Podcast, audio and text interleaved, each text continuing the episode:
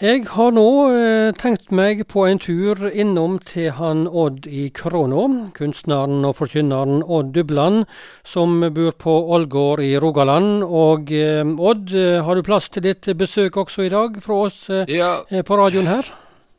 ja, velkommen inn til meg, eh, Vyrde Inge. Jeg ser det jo i denne berømmelige krona mi, jeg, på Ålgård. Og det er mandag, og da pleier du som regel ringe til meg. Det gjør jeg, og med i følge har jeg jo en uh, god del lyttere. Så uh, du uh, har åpne døra du, forstår jeg? Ja, det er visst en hel del folk som hører på, og da er det veldig viktig for meg at jeg har noe skikkelig å si. Noe som en kan Det er noe som kan være til hjelp for folk, eller til ettertanke. Ja. Ja, skikkelig å si, sier du. Du eh, er på lufta stadig vekk her i disse mandagssendingene våre. Og eh, er det vanskelig å finne noe skikkelig å si? Ja, det var det, ja. Nei, eh, det, det må liksom komme til meg noe, og så må jeg det må arbeide i tankene en stund, kanskje. Noe kommer kanskje han nær sagt bare noen timer før jeg skal på lufta, eller dagen før, rettere sagt. Og så må jeg jo jobbe med det litt, og, så at jeg sier det er noenlunde rett det jeg sier, vet du, og, og slik. Men du, Ja. når det gjelder tema og sånt, så er du innom litt forskjellig, vil jeg si. Eh, Er det noen sånne spesielle tema du er ekstra glad i å snakke om?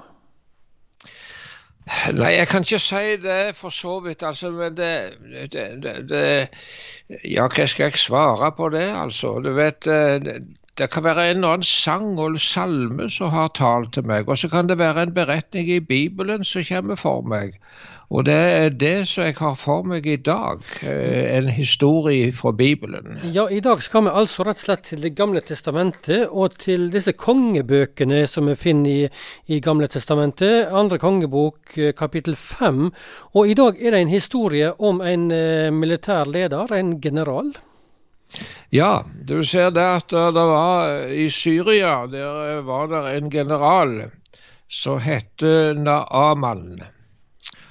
Han var en eh, veldig kriger og var sikkert en svært eh, stor, fysisk stor mann òg. Og eh, han eh, hadde vært heldig når det gjaldt eh, militære disposisjoner. Og de hadde fått seier i krigene med han som leder. Men så hadde han et stort problem. Han var nemlig spedalsk. Og det er jo en fryktelig sykdom. Og historien kan nå fortelle om mange mennesker som har opplevd suksess i sport og økonomi. Så har de allikevel ting i livet som drar så ned og tynger. Slik kan det være for de fleste av oss. Ja, Og sånn var det òg for denne eh, hærføreren, eller generalen Naaman. Ja, han var sikkert fylt av frykt for denne forferdelige spedalskheten. Og så er det det at han hadde vært i, i Israel og kriga der. Og i en av disse herjetoktene som de drev på med, så hadde de dreid med seg ei eh, jente tilbake til Syria. Denne jenta, hun kanskje Det var jo forferdelig for henne, det. Hun var reven ifra sine foreldre. Og kanskje de var døde. Men denne jenta hun eh, ble, kom faktisk talt i tjeneste hos kona til denne Naaman, denne generalen. Og eh, denne jenta hun visste òg om sykdommen som Naaman hadde. Ja, og hun, eh, hun tok litt fatt i dette her, hun. Ja, det er merkelig nok. altså Hun sier det til kona til Naman, at hvis at Naman hadde vært hos profeten i Samaria Det var en profet som het Elisa. Hvis han hadde vært der, da hadde han blitt frisk fra spedalskheten. Jaha. Ja, og så er det at kona til Naman hun sier det til mannen sin, og det som løye med det, han, eh, han eh, gjør dette som jenta foreslår. Han tar med seg en, eh, en svær betaling som han skal bruke, eh, og han tok i vei Og jeg har sett det før òg andre plasser i verden, at folk betaler veldig mye ut hvis de har en sjanse for å bli friske. Og han tok med seg ti talent med sølv og 6000 sekel gull og ti festkledninger. Så det var litt av en ladning han hadde med seg. Og så reiste han da til denne profeten Elisha? Ja, han reiste først til kongen i Israel. Aha.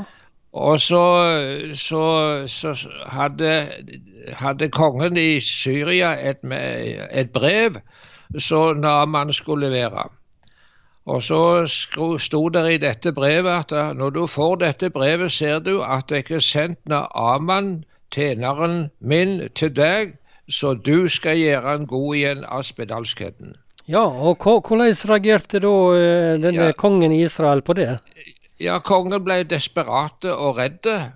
Han, eh, han, der står skrevet at han reiv sånn klærne sine. Det, de, det, var en skikk så de er uttrykk for stor sorg. Eh, det var, De reiv ei lita rift nede på klærne. Og så sier kongen det er jeg Gud, så jeg kan råde over død og liv siden han sender bud til meg at jeg skal gjøre denne mannen frisk av spedalskheten. Forstår det ikke det at han vil? Han leter etter et, eh, en anledning til å yppe til strid med meg. Aha, så han trodde det var et sånt eh, slags bakholdsangrep her? Ja, han, eh, det, han, hadde blitt sett i en alvorlig situasjon. Han var redd at syrerkongen yppa til strid. Og så sender han denne Naman med en aldeles umulig eh, sykdom og forlanger at kongen skal gjøre han frisk. Men da er det eh, profeten Elisa han får høre dette. Og så sier Elisa det, eller får gitt beskjed Send Naman til meg, så skal de se at det er en profet i Israel.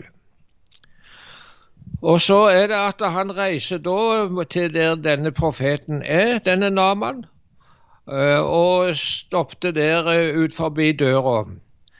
Og da skjer noe som er sikkert veldig ydmykende for Naaman. For eh, profeten sjøl, han kommer ikke ut i døra engang, men han sender bare en gutt ut og sier det til Naman. Gå så dukker deg sju ganger i Jordan, så skal du bli frisk.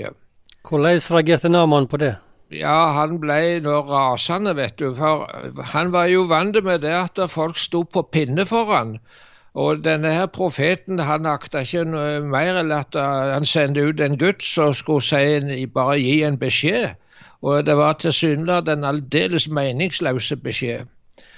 Og da var Naman han ble så sint og sa det at da er ikke elvene i Syria like gode nok til å bade i. Elvene heter Abana og Parpar. De er like gode, de, som denne Jordanelva. Og så ville han dra av gårde hjem i fullt sinne.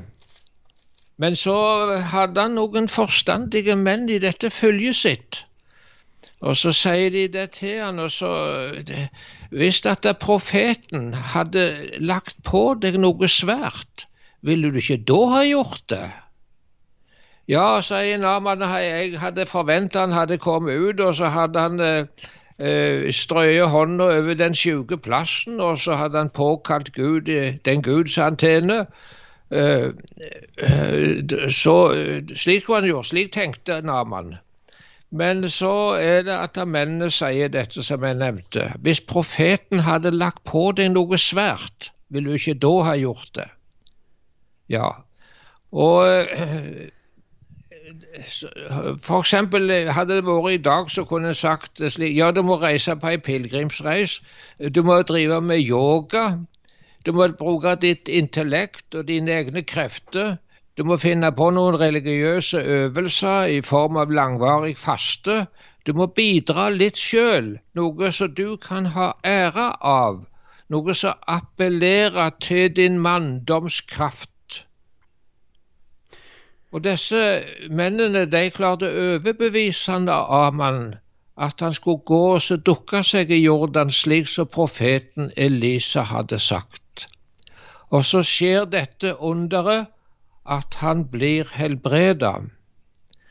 Og da er det at han drar tilbake til profeten og vil betale for dette han hadde opplevd, og så sier han det at nå vet jeg at det er ikke noen gud på hele jorda uten i Israel. Vær så gild å ta imot en gave eh, ifra meg, sier Naaman til Elisa. Nei, så vil ikke Elisa høre snakk om det. Han sier slik, så visst som Herren lever, han som jeg tjener seint og tidlig, jeg tar ikke imot noe. Og så er det at Naman han, han tigger rett og slett, du må ta imot noe ifra meg, men ikke tale om. Og da sier Naman det, jeg må få be om å ha lov til å ta med meg noe moll fra Israel. Så mye som et par muldyr kan bære. Jaha, hva han skulle han med det? Ja, Han skulle hjem til Syria og bygge et alter for Herren Israels Gud. Uh, han ville aldri mer bære fram brennoffer eller slakteoffer til andre guder, men bare til Herren. Og så kan jeg spørre hvorfor tar jeg fram denne historien? Jo, fordi at uh, du finner mest et førebilde av evangeliet. Det må du si litt mer om, Odd. Evangeliet jo. om Jesus Kristus? Ja. Vi lir nemlig alle av åndelig spedalskhet. Vi er syndige mennesker og har krenka Gud i tanker, ord og gjerning, og kjenner den vonde lyst i hjertet, som det vil si. Og vi står overfor den virkelighet og så kommer Gud til oss med en gave. Det er dette som Jesus har gjort. Han er død på korset for våre synder, og enhver som tror på Han, skal bli frelst. Og når eh, vi ser det, at når Paulus og disse andre apostlene forkynte evangeliet om Jesus, så var reaksjonene veldig forskjellige. Eh, grekerne de trodde dette var dårskap, det var noe tåpelig, noe til å le av, hele greia, dette med Jesu kors. Og jødene de trodde det var forsmedelig og, og, og, så anstøtelig som det gikk an. Men så viste det seg det at budskapet om Jesus Kristus hadde evne til å frelse. Og folk ble nye og her kan en legge av sin og ære, og så kan en ta imot som gave det som Gud har gitt. Den trenger ikke, kan ikke betale en gave, for hvis du skal gjøre det, da er det ikke en gave mer, da er det et kjøp. Det er en gave ifra Gud som han gir. Og så var det litt grann til slutt i denne beretningen om Naaman. Han eh, ville ha med seg eh, Eh, noen sekker med jord. Han skulle lage et alter i Syria, og der han skulle tilbe Israels gud. Ja, du nevnte det. Hva tenker du på da? Jo, han, eh, han begynte å tenke på noe alvorlig som kom til å skje hjemme i Syria når han kom hjem og skulle oppta sin vanlige forpliktelse der. For i Syria, kongen der, han ba til en avgud en avgud som de kalte for Rimmon. Og Naman som general og øverstkommanderende og kongens høyre hånd, han var nødt til å følge kongen inn i avguden Rimmon sitt hus, eller dette tempelet for avguden Rimmon. Og Eh, kongen han stødde seg på Naman. Det kan hende kongen var gammel og skrøpelig.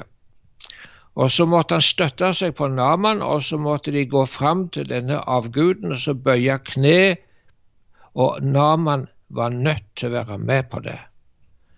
Og så sier han det til Elisa før han reiser tilbake til Syria.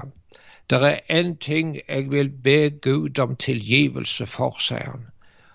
Og da eh, var det dette at han var nødt til å leie seg på kne framfor en avgud.